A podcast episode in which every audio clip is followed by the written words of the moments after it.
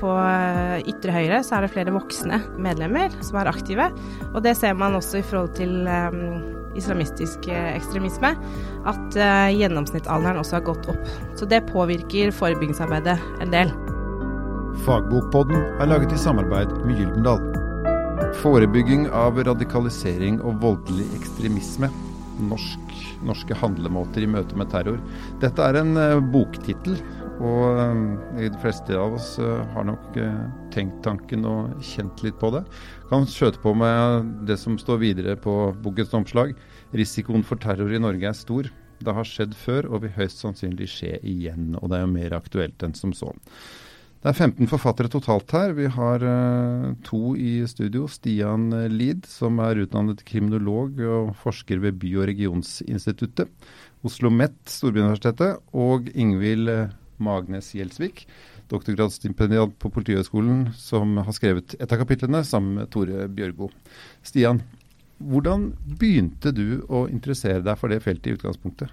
Min store interesse kanskje gjennom tiden som eh, både student og forsker har på en måte vært eh, personer som er i marginaliserte posisjoner, og som lever på kanten av samfunnet. Som ikke når, føler at de deltar? Når ikke de føler at de deltar, og hva skal vi som samfunn gjøre overfor dem for å få dem med. Og når jeg begynte å jobbe eh, på dette feltet som forsker, så var det kanskje det som var min store interessefelt. Hvordan skal vi møte personer som inntar sånne ekstremistiske posisjoner? Hvordan kan vi møte dem for å forhindre at de skal komme dit, og hvordan skal vi møte dem for å få dem ut igjen? Men uh, mange ser jo på dette som bare ondsinnet avskum som på en måte ikke har noe annet enn et ondt og destruktivt ansikt og uttrykk?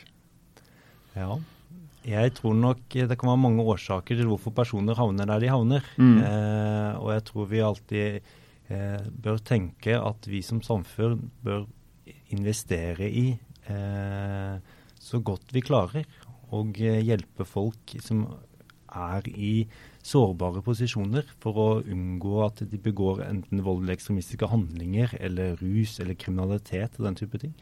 Og Hvis vi òg klarer å hjelpe dem ut, så har vi som samfunn i større grad eh, sikret oss selv. Eh, og vi i større grad kan leve et eh, trygt og godt eh, på trygge og gode, gode, måter. Men for å skru til det litt, da. Det, det høres fint ut. Mm. Eh, og det vil vi alle. Men ha, kan vi si det så sterkt, eller vil du si det så sterkt, at vi har et ansvar? At, at, at uh, terrorismen er vår? Den er på en måte vårt ansvar å forebygge, og hvis vi får den, så må vi uh, gå i oss selv?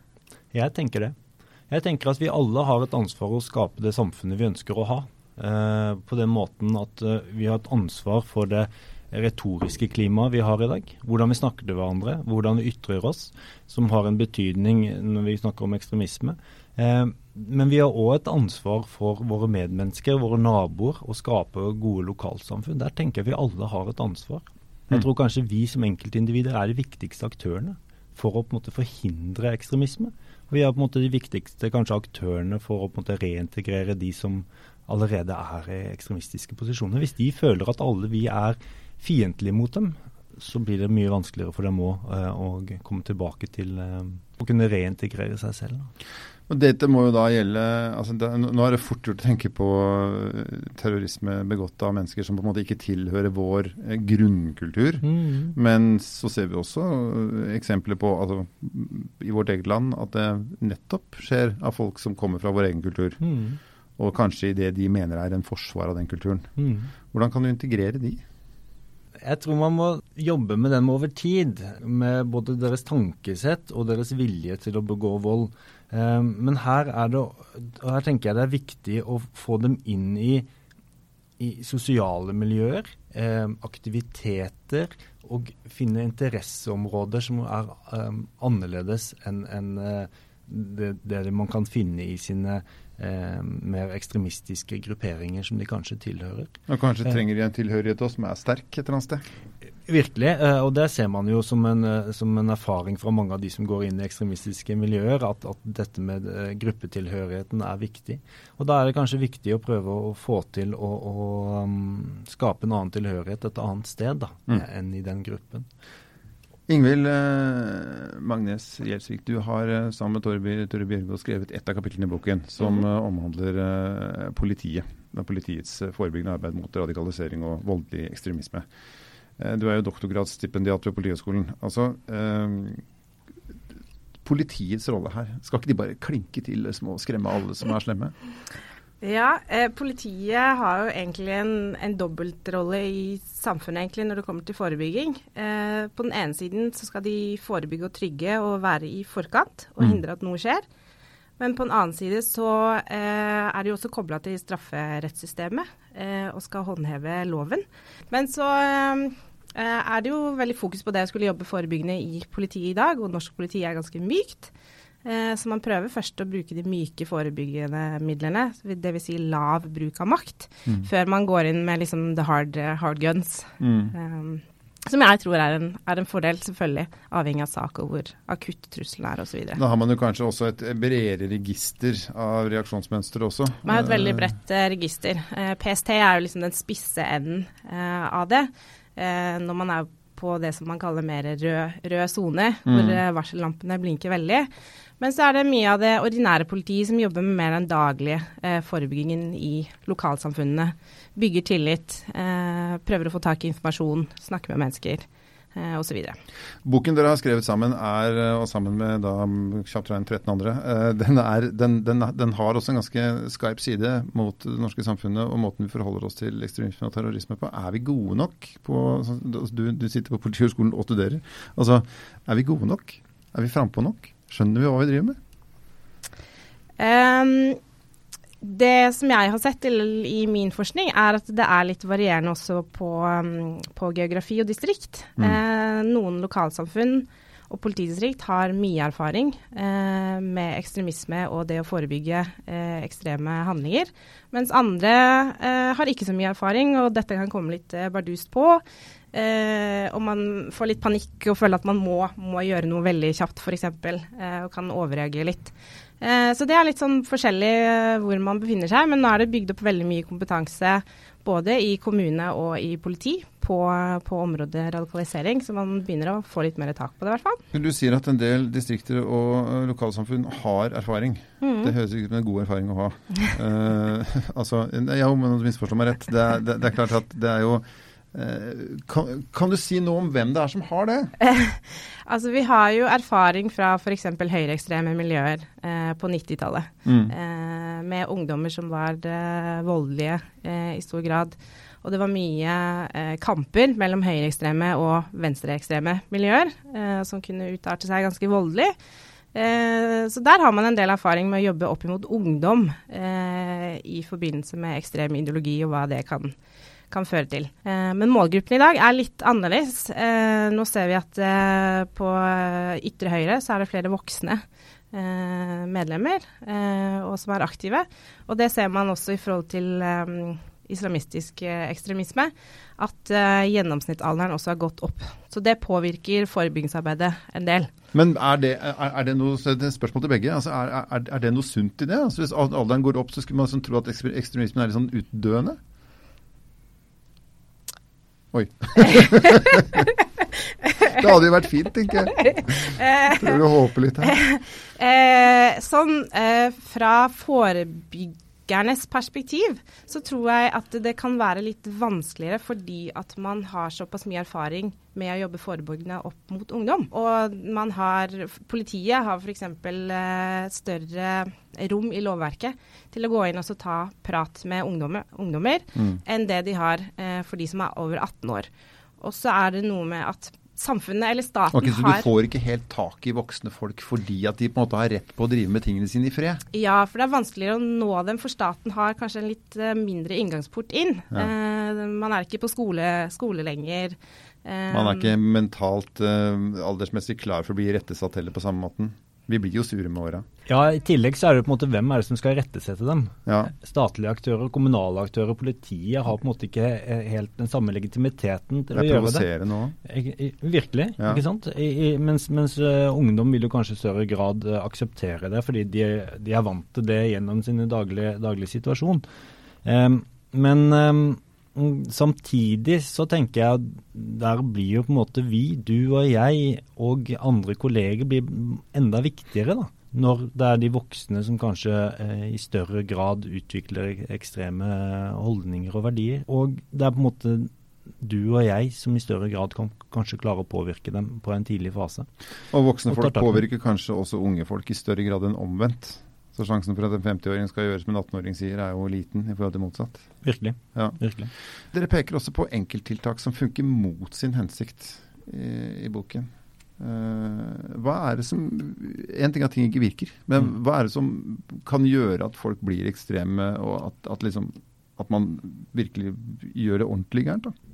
Hva som kan gjøre det, tror jeg er mange, mange faktorer. Eh, og Man ser jo at det er mange som har ekstremistiske holdninger, som aldri vil begå voldelig ekstreme handlinger. Eh, og det gjør nok forebyggingsarbeidet veldig vanskelig. fordi man har... Langt mellom fantasi og virkelighet her. Virkelig. Mm. Eh, og da blir det vanskelig både for politiet, men også for andre aktører å, å vite hvilken personer man egentlig bør rette eh, søkelyset på. Fordi det er ytringsfrihet i Norge. Man har rett til å, å, ha de holdningene og verdiene man har.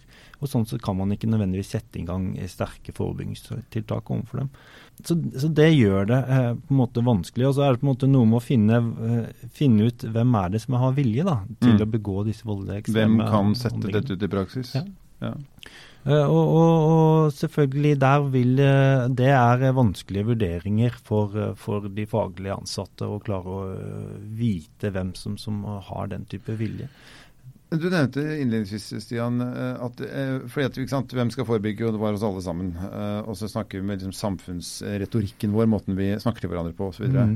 Men kan det være skummelt òg å, å, å, frata folk den sikkerhetsventilen det er å sitte og være stripete et eller annet i en krok av internett og bøtte seg, på en måte? Altså, er det litt som en sånn, sånn ja, mental trykkoker som uh, kanskje har godt av å få lov å komme til uttrykk òg? Så kan vi snakke om det. Jeg vet ikke. Ja, ja. Um, det høres ut som vi skal være så snille hele tiden, men er, ja, det er jo ikke sånn. Nei, og det er jo det med at vi har stor uh, ytringsfrihet i Norge, og man kan jo faktisk få mene det man vil. Ja. Uh, så den, uh, Det er jo de handlingene som er problematiske. Ja, Så kan du ikke trakassere folk og sjikanere. Altså, det, det, går jo noen grenser der òg. Ytringsfriheten har jo noen rammer. Mm, absolutt. Um, og det du sier med, med trykkoker, jeg tror at uh, i en del kommentarfelt så kommer det uh, en del fram. Det baller litt på seg, og så ender man opp med å si ting man kanskje egentlig ikke helt uh, mente. Mm.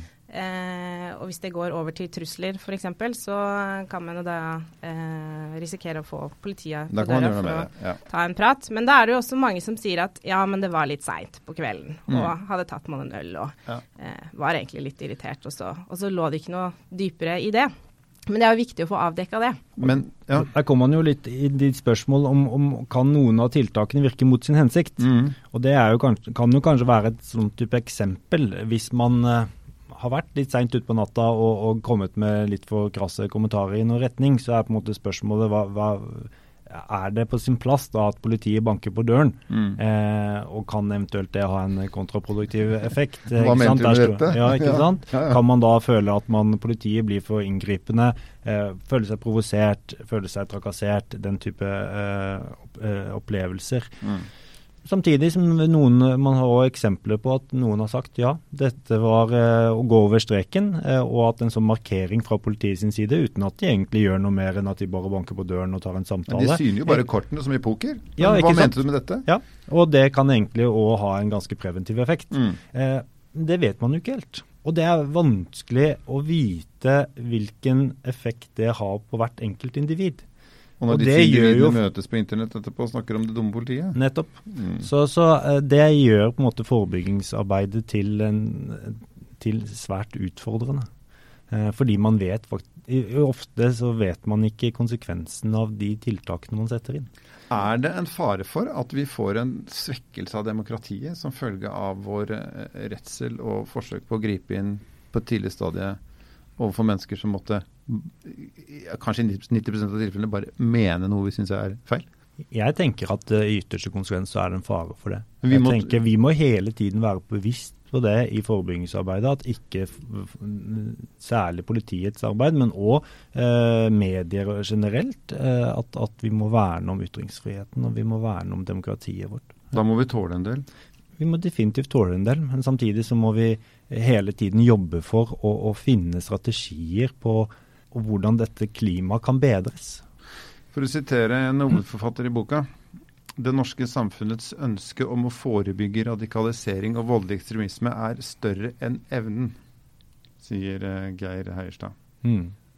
Jeg tenker Man kan gripe an den fra, fra forskjellige, på forskjellige måter. Et eksempel på dette kan jo er den norske eh, ekstremismeforebyggingen bygger seg i stor grad opp, knytter seg til velferdssamfunnet vårt. Det knytter seg til eh, hele statens eh, staten, eh, de statlige aktørene og mm. deres ønske og vilje til å drive forebyggingsarbeid.